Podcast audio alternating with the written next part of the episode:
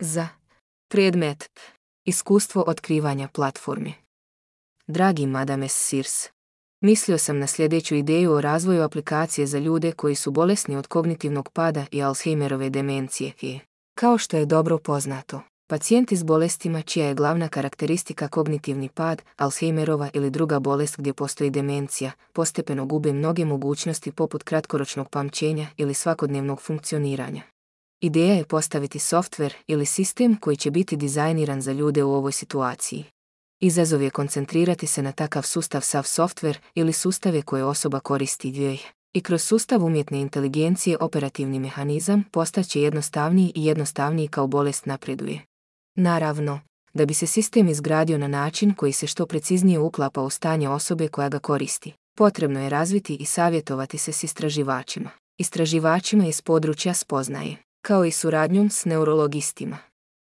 Svrha sistema je, naravno, omogućiti ljudima koji se koriste za korištenje računara u različite svrhe i demenciju da ne izgube u potpunosti pristup sistemima na koje su navikli dugi niz godina svog života, v, poboljšavajući njihova kvaliteta života i onako značajno. Vrlo kao rezultat simptoma same bolesti.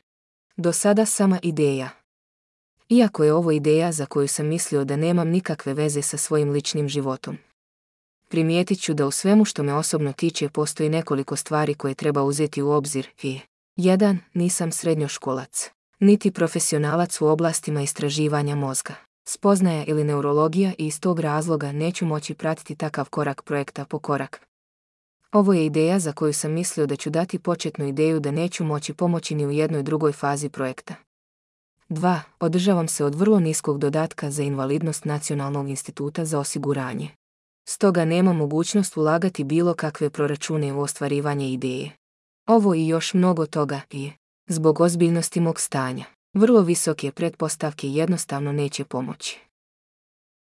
3. Živim u Jeruzalemskom kvartu Kirat Menačem i nemam dozvolu vozila ili vozača. Zbog mog zdravstvenog i financijskog stanja, također ne mogu u budućnosti napraviti vozačku dozvolu ili kupiti vozilo.